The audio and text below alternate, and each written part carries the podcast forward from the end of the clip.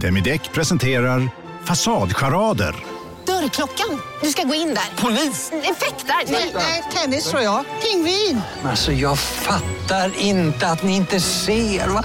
Nymålat! Men det var många år sedan vi målade. Demideckare målar gärna, men inte så ofta. Välkomna sommaren med att... Res med Stena Line i sommar och gör det mesta av din semester. Ta bilen till Danmark, Tyskland, Lettland, Polen och resten av Europa. Se alla våra destinationer och boka nu på stenaline.se. Välkommen ombord!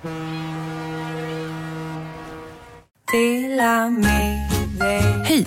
Är du en av dem som tycker om att dela saker med andra? Då kommer dina öron att gilla det här. Hos Telenor kan man dela mobilabonnemang.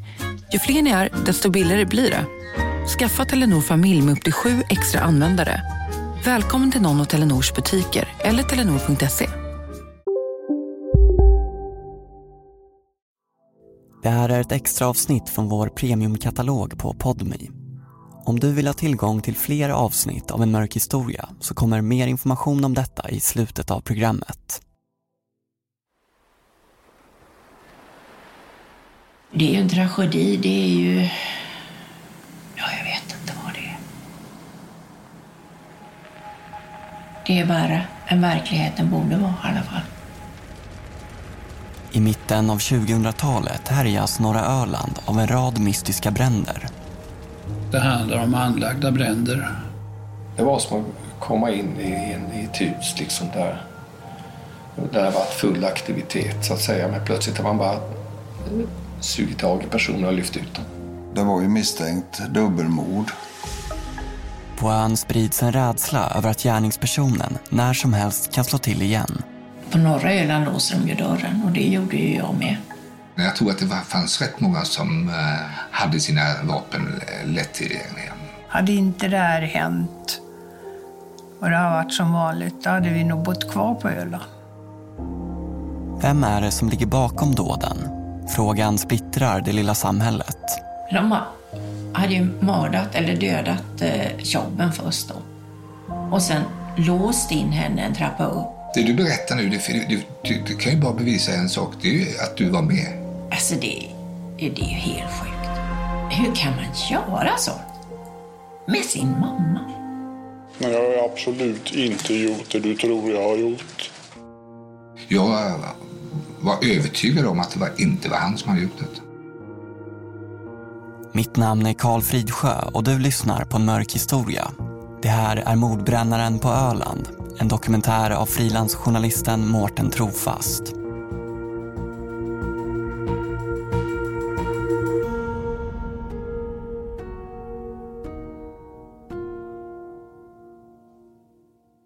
Avsnitt 1. Mystiska bränder. Mina föräldrar, eller våra föräldrar, hade ju en lanthandelaffär. Så det var ju, man träffade ju, man träffade ju nästan alla som bodde i byn. Vi befinner oss i Byxelkrok, längst ut på Ölands nordvästra udde. Det är tidigt 50-tal och i den lilla kustbyn växer Rosmarie Abrahamsson upp tillsammans med sin två år yngre bror Per-Olof. Fast det fanns inga tjejkompisar. Så att... Eh, Eh, jo, det fanns en, men det var flera kilometer bort, eller en halv mil kanske. Så att jag lekte mest med killarna. Norra Öland är kargt och flackt. När himlen är blå går fastlandet på andra sidan sundet att skönja med blotta ögat. Utan båt är Ölandsbron enda sättet att ta sig över. Men den ligger många, många mil söderut. Om somrarna leker Rosmarie och Per-Olof indian och cowboy i skogen. Det var ju de här små tidningarna som fanns på den tiden. Eh, ja, små cowboytidningar vet jag Per-Olof hade hemma som han läste i. Det var väl där de hittade det. Jag har kvar många fortfarande. Jag kan inte slänga dem. Jag vet inte vad jag ska göra med dem, men eh, ja, de ligger i en kartong. När semesterfirarna lämnar Byxelkrok i slutet av augusti blir här nästan otäckt ödsligt. Affärer och restauranger slår igen. Stugor och småhus släcks ner och står tomma under hela vintern. Och fastlandet på andra sidan sundet är nu omöjligt att skönja i den täta öländska dimman. Kvar finns lite drygt 100 fasta boende. Några av dem är Rosmarie och Per-Olof. Ja, han var ju min bror. Absolut. Min lillebror. Vi var väl ovänner också naturligtvis, som tur är. För det är väl alla syskon. Kommer ihåg en gång när han stängde in mig i ett sånt här underskåp. Det gick inte att öppna inifrån. Men så var det lådor ovanför så jag lyckades skjuta ut en sån med bestick. Så att då hörde väl mamma och pappa ute i affären att det hände något i köket. Men alltså det är ju sånt som händer. Som de flesta syskon har de hyss för sig och Rosmarie har många roliga minnen av sin speciella lillebror. Han var sig själv. Han var inte som alla andra. Till exempel så ställde han inte om klockan till sommartid. Det var vilka dumheter, va? 50 år har nu gått sedan syskonen lekte indian och cowboy i skogen. Det mesta är sig likt. Visserligen ses de inte lika ofta men båda bor kvar på Öland. En söndag i mars 2005 insjuknar Per-Olof och får åka med ambulans till lasarettet i Kalmar. Och då var det Barbro som ringde till mig och sa att han låg på Kalmar, att ambulansen hade hämtat honom. Barbro är vän till Rosmarie. Hon berättar att Per-Olof troligen fått ett epilepsianfall. Jag frågade om det var allvarligt och så, om jag behövde åka in. Nej, sa de, det, det är ingen fara. Men vi behåller honom här över natten. Okej. Okay. Men eh, jag åkte in i alla fall. Jag vet inte varför. Det, det kändes bara att jag ville det. Så, och då låg han ju på akuten. Så då satt jag väl där den eftermiddagen. Och... Till fastlandet och Kalmar är det drygt 10 mil och den lilla polisstationen i Borgholm ligger 50 minuters bilresa bort. Händer det något tar det tid innan hjälpen är på plats. Men Per-Olof repar sig snabbt och dagen efter får han åka hem till Byxelkrok igen. Och sen ringde jag honom på kvällen. Måndagskvällen och då var han hemma. Allt hade gått bra. Och jag undrar vad han gjorde. Det gjorde han apelsinsaft. Jaha, okej. Okay. Ja, men det är mycket apelsiner. Ja, ja, ja. Det är jättebra. Jag trodde du bara skulle vila eller någonting, men ja. Det ska bli sista gången Rosmarie hör sin brors röst.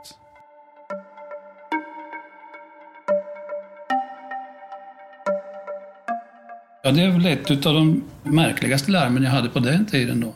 Dagen efter, tisdagen den 8 mars 2005, får räddningschef Bengt Andersson ett larmsamtal. Det gick larm på morgonen eh, från SOS då och eh, de, sa, de hade inte larmat ut någon styrka då utan eh, larmet till mig det var att eh, det är en man som ringer här och han säger att när han drar upp rullgardinen så är grannhuset borta. Det är grannen till Per-Olof som ringer in till SOS. Han berättar att det inte är någon idé för brandkåren att skynda sig. Att huset redan har brunnit upp. En brandstyrka från grannbyn Löttorp skickas ut för att kontrollera branden. Och efter en 20 minuter så kom de tillbaka och kunde bekräfta det. De sa ja, det är faktiskt så. Huset är borta här, det är bara grunden kvar. Ingen spridningsrisk eller någonting. Så det är inget för oss att göra här utan det är bara att konstatera att huset är uppbrunnet. Och det var ju totalt nedbrunnet. fanns inte mycket kvar. Men själva garaget, garaget var helt oskatt. Det stod kvar och det var ju bara någon meter emellan. Det var ju rätt... Ja, det var lite konstigt att det hade klarat sig, men det var ju superbra. Men de kunde ju inte göra mycket mer än att släcka. Sen var det tvunget att kallna innan de kunde börja leta efter någonting.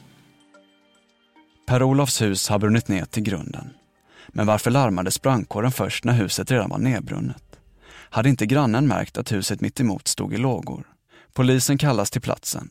Vi hör kriminaltekniker Anders Elmqvist. Vi visste ju att eh, det skulle eventuellt kunna finnas någon kvar där för det saknades ju en person. Då. Han som bodde där. Av Per-Olofs hus finns inte mycket kvar.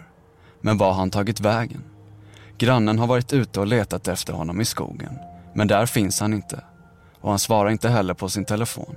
De hade varit ute och letat och ropat på Per-Olof men de hade inte hittat något. De hade ju inte sett någonting i, det man kunde se i den här ja, husresten. De hade ju inte sett något där heller. Samma natt som Per-Olof försvinner hörs en smäll in till grannhuset. De hade ju hört att det hade skjutit eller någonting på natten, smält och vaknat. Men de hade ju inte brytt sig om det för de trodde att det var han som var ute och sköt bara. Mitt i natten. Det kan jag inte tänka mig att, ja. Per-Olof var ofta ute och jagade och att det skjuts i skogarna på norra Öland är inte helt ovanligt. Många har jaktlicens och egna bössor. I vilket fall som helst så tyckte jag att det var lite konstigt. Att de inte hade sett något om ett helt hus brinner på andra sidan gatan. Rosmarie tycker att grannens beteende är misstänksamt av flera anledningar och vi ska återkomma till grannen senare i dokumentären. Eftersom Per-Olof fortfarande saknas försöker polisens tekniker hitta spår. Det fanns i stort sett bara förvriden metall och aska eh, kvar. Kriminaltekniker Anders Elmqvist igen. Vi grävde igenom där men efter två dagar så så hade vi inte hittat någonting som påminner om, om rester av en människa. Så att eh, då gjorde vi någonting som vi kanske skulle gjort redan första dagen. Ta dit en likhund. Polisen tar dit en likhund. Det tar bara minuter innan den markerar. Det visade sig att den låg, han låg ju inte i själva huvudbyggnaden. Han var en vidbyggd del som var pannrum. Där det var cementgolv och det var bara kanske någon decimeter brandrester just där. Men i de decimetern låg lite tänder och, och lite vävnadsrester. Då. Han, han var ju redan död för mig då. För de hade ju letat med hundar i skogen och allting. Och jag kommer inte ihåg hur länge det tog ens innan de hittade honom. Men då kom det två poliser hit och topsade mig för att de skulle se om det var det de hade hittat, om det var honom. Obduktionen visar att mannen i pannrummet är Per-Olof. Han är så illa bränd att det enda som återstår är hans tänder, lite vävnadsrester och titanskruvar ifrån ett implantat. Men det är inte mycket att säga när det är så lite kvar. Eh, man ser ju inga skador, ingenting. Det lades ner som en brand utan misstanke om brott. Eh, vi hade ingenting som styrkte att det skulle vara något brott. Omständigheterna kring Per-Olofs död visar inga tecken på brott och utredningen läggs ner. Grannen ska ha sett honom sitta och röka vid köksfönstret mitt i natten och i byn går snacket om att han nog har somnat berusad med en cigarett i mungipan. Petter Skoglund, en av de som bor i byn, var inte särskilt överraskad när han fick reda på vad som hade hänt. Jag vet man var där uppe någon gång ibland och, och, och jag vet att det var massa brännmärken i, i golvet och så han tappat sin cigarett och sånt där och, och somnat. Och, så när det hände så, jaha, det var väl, eh, eh, ja, man, man, blev inte egentligen, ledsen blev man ju, men man blev kanske inte så här superförvånad egentligen att det hade brunnit huset. Men Per-Olofs syster Rosmarie tycker att det är något som inte stämmer. Ja, de hade hittat honom på ett sånt konstigt ställe. Så att... Eh, vad skulle han in bredvid pannan under en hylla och göra? Det kändes ju som att han först hade blivit nedslagen. Alltså det här är bara mina egna funderingar. Det är ju ingen som har sagt. Men eh, jag upplevde det så, jag kände det så. Det här, så här kan man inte ligga och dö. I soffan och röka, det är ju en sak. Vad som verkligen hände Per-Olof den där natten 2005 kommer Rosmarie kanske aldrig få ett riktigt svar på. Men det är klart att det, det är ju hemskt. Det, det är fruktansvärt. Det blir så tomt. Öland har genom historien varit förknippat med många bränder. Ett av öns mest kända landmärken, Borgholms slottsruin, är ett resultat av en häftig brand under 1800-talet. Så sent som på 50-talet höll en misstänkt pyroman ön i ett skräckgrepp. När Per-Olofs hus jämnas med marken i mars 2005 är det inte den enda mystiska branden på norra Öland under den här tiden. Ett år senare kallas räddningschef Bengt Andersson återigen ut på ett liknande larm, bara någon halvmil ifrån branden året innan. Det var alltså eh, en ladugårdsbrand. Eh, när man kommer dit så är det då eh, övertänt den här ladan. I boningshuset så bor det ett äldre par och en son till, till dem. Den äldre mannen berättar att han saknar sin hustru och brandpersonalen riktar in sig på att hitta henne. Men eh, man hittar ju ingenting förrän i ett betydligt senare skede. Och eh, tyvärr, det, det, det är ju en kvinnokropp då som man kan konstatera där. Och det man också reagerade på, som jag minns det, det var att det låg något kalvhuvud. Ni har väl inte missat att alla takeaway förpackningar ni slänger på rätt ställe ger fina deals i McDonalds app. Även om skräpet kommer från andra snabbmatsrestauranger. Exempelvis... Åh, oh, sorry. Kom, kom åt något här. Exempelvis... Förlåt, det är något skit här. Andra snabbmatsrestauranger som... Vi, vi provar en talning till. La, la, la, la, la. La, la, la, la. Bara på Storytel. En natt i maj 1973 blir en kvinna brutalt mördad på en mörk gångväg. Lyssna på första delen i min nya ljudserie. Hennes sista steg av mig, Denise Rubberg. Inspirerad av verkliga händelser. Bara på Storytel. Om en så vidde på väg till dig för att du råkar ljuga från kollega om att du också hade en och innan du visste ordet av du hem kollegan på middag och... Då finns det flera smarta sätt att beställa hem din sous på. Som till våra paketboxar till exempel. Hälsningar Postnord. I anslutning till det här. Så man, man förstod inte riktigt hur sammanhangen där, vad var det som hade hänt liksom. Inom loppet av ett år hittas alltså en kvinna död i en ladugård med ett kalvhuvud tätt intill sig.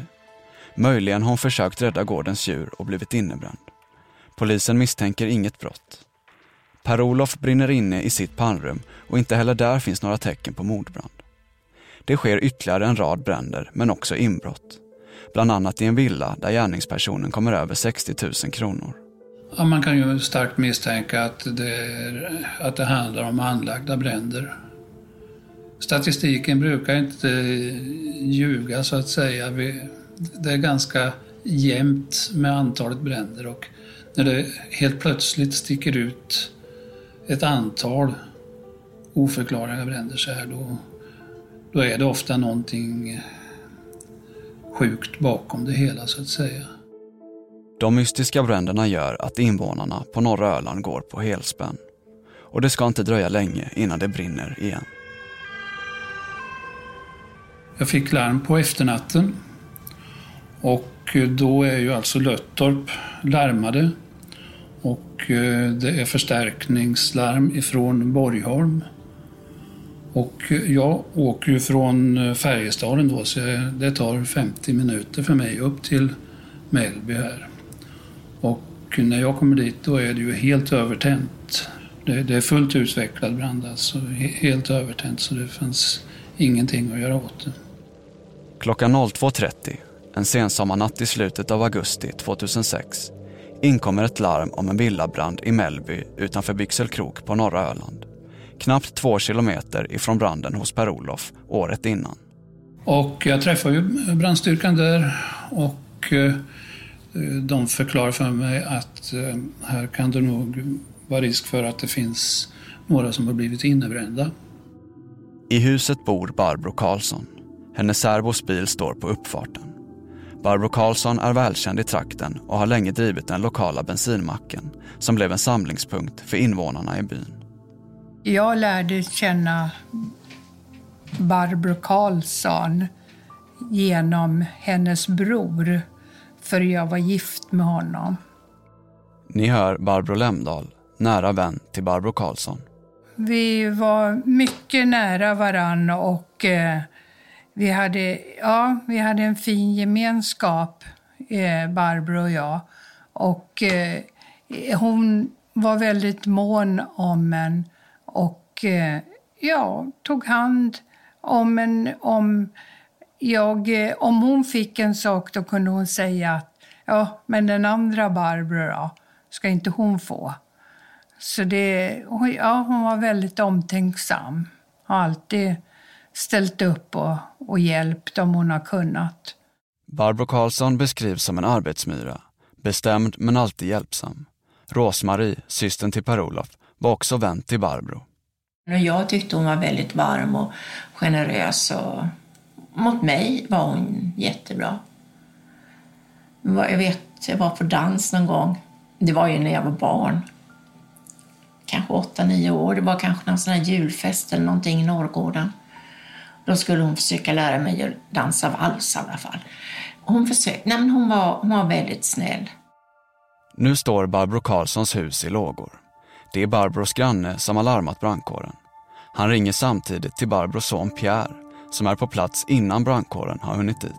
Vi fick ett telefonsamtal på natten att morsans hus brann. Och då åkte jag dit på natten och letade. Från håll ser Pierre Karlsson hur hans mammas hus står i lågor. Det brann fruktansvärt. Det var omöjligt att ta sig i närheten av huset.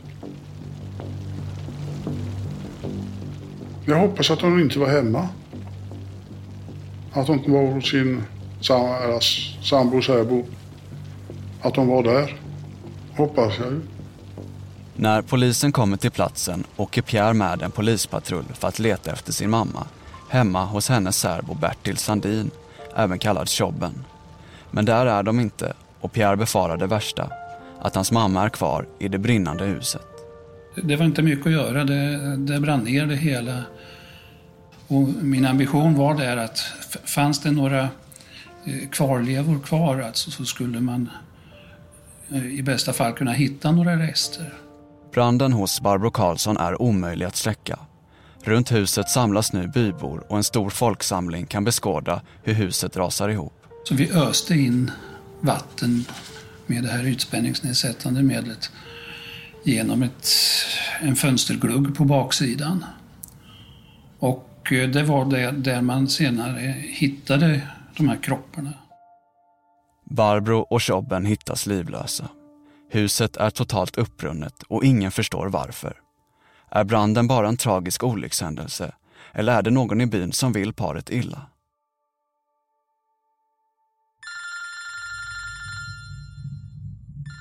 Det var Pierre som ringde. Morsan eh, brann inne i natt eller något sånt, sa han.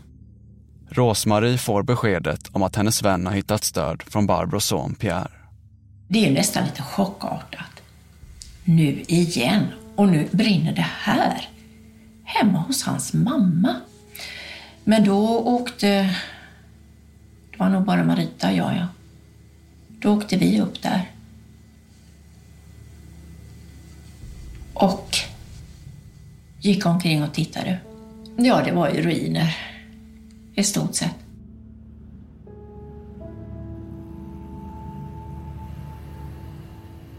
Då kom Pierre på mopeden. På eftermiddagen efter branden kommer Pierre åkandes på en moped. Han har precis lämnat sin mors nedbrunna hus och nu är han på väg hem. Men först ska han stanna till hos grannarna Lemdals. Och eh, då stannade han. Och eh, då sa han, ja, man får skratta och man får gråta. Sa han. Han var inte direkt jätteledsen, inte då när vi såg honom i alla fall. Men vi tyckte det var konstigt att han var kanske så oberörd. En annan sak som Barbro tycker är konstig är att Pierres söner inte sov hemma under brandnatten. Visserligen hade den ena sonen en lägenhet på fastlandet. Men den yngsta sonen hade fått sova över hos en kompis den här natten. Och han fick aldrig sova hos någon i veckorna. Men just den här eller natten hade han sovit hos en kompis. Samma eftermiddag, när branden kallnat, skickas polisens tekniker till platsen. Vi hör kriminaltekniker Anders Elmqvist. Paret som bodde där då eh, hittades ju i sängen som hade rasat ner från övervåningen och låg på bottenvåningen. Sen vill jag minnas att dörren till sovrummet var låst dessutom. I nuläget finns inga tecken på att paret blivit bragt om livet. Trots den kraftiga branden är kropparna i så pass bra skick att de kan skickas för obduktion. En vecka senare kommer svaret. Och eh, det konstateras att mannen där hade fått eh, halsen avskuren. Eh, det finns ju en intressant grej där att han, eh, han såg ju oftast han såg ju på nedervåningen. För han hade ju svårt att gå i trappan. Och nu hittas han på övervåningen. Och har han sen halsen avskuren så, så eh, krävs det inte så mycket för att inse att, att det har hänt någonting rejält här. Obduktionen visar att Tjobben har fått sin hals avskuren och Barbro har sannolikt dött av brandröken. Båda inlåsta i sovrummet på övervåningen. Någon måste alltså ha varit inne hos paret under natten. Det var ju över en vecka, tror jag, efteråt som det började spekuleras och det kom fram att det, det troligtvis var en mordbrand. Ni hör Petter Skoglund som stod paret nära. Eh, det är klart man blev bestött eftersom jag kände ju Barrow väldigt väl. Eh, jag kände ju Chobben också väldigt väl. Eh, så att det, det är både bestött och ledsen och fantastiskt trevliga människor. Så jag menar, det är nog goa. Gjorde inte en fluga för någon av dem. Likt Petter har många i byn svårt att ta in vad som har hänt. Varför skulle någon vilja mörda Barbro och Chobben? Paret som inte hade några ovänner överhuvudtaget. Personligen kunde jag inte ta åt mig det. det, det, det nej, det kunde jag inte. Ni minns grannen till Per-Olof som brann inne 2005? Som inte hade sett att det brann i huset mitt emot förrän kåken hade brunnit ner. Som hade varit ute och ropat efter Per-Olof dagen efter. Det är Pierre Karlsson, son till den nu mördade Barbro Karlsson.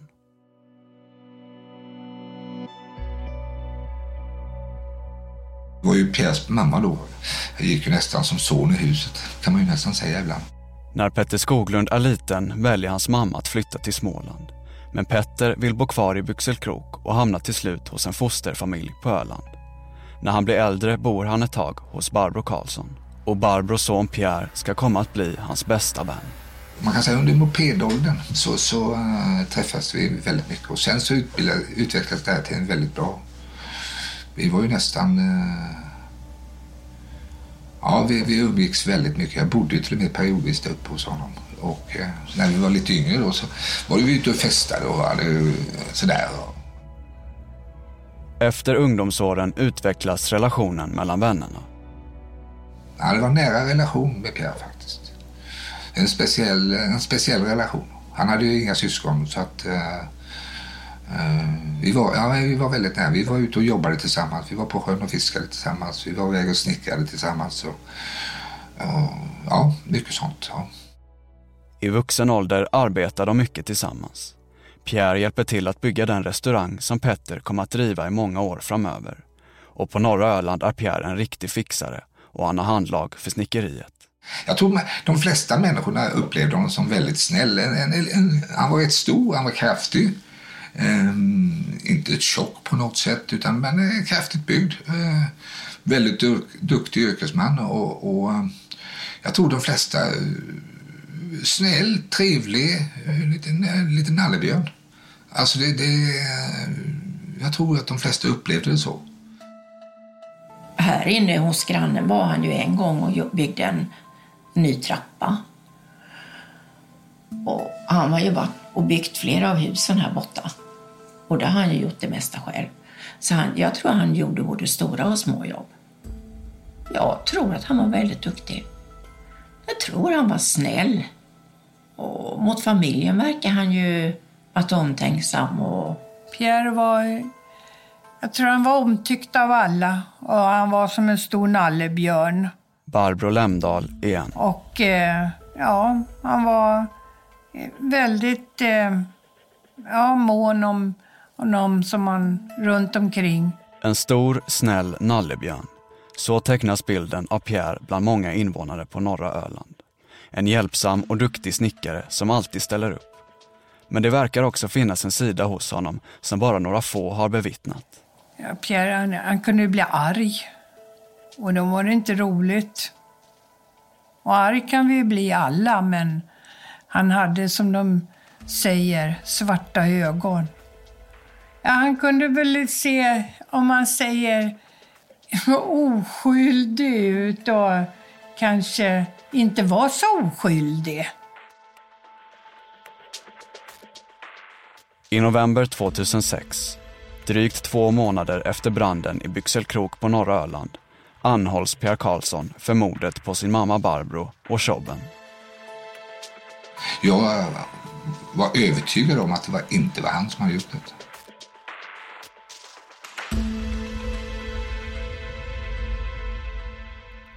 Du har lyssnat på den första delen av mordbrännaren på norra Öland. I nästa avsnitt. Ni blev rädda? Ja, jag blev lite rädd.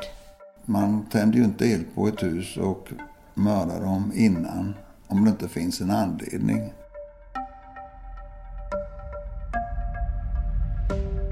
Det här var ett extra avsnitt från vår premiumkatalog på Podme. Vill du lyssna på resten av serien och få tillgång till allt vårt premiuminnehåll så gå in på podme.com enmorkhistoria. En prenumeration kostar från 29 kronor i månaden och vi släpper minst ett nytt fall varje månad. Så om du vill stötta vårt arbete, gå in på podme.com enmorkhistoria. Mordbrännaren på norra Öland är en dokumentär av Mårten Trofast. Producent var Joel Silberstein Hont och jag, Karl Fridsjö. En mörk historia görs av produktionsbolaget Just Stories.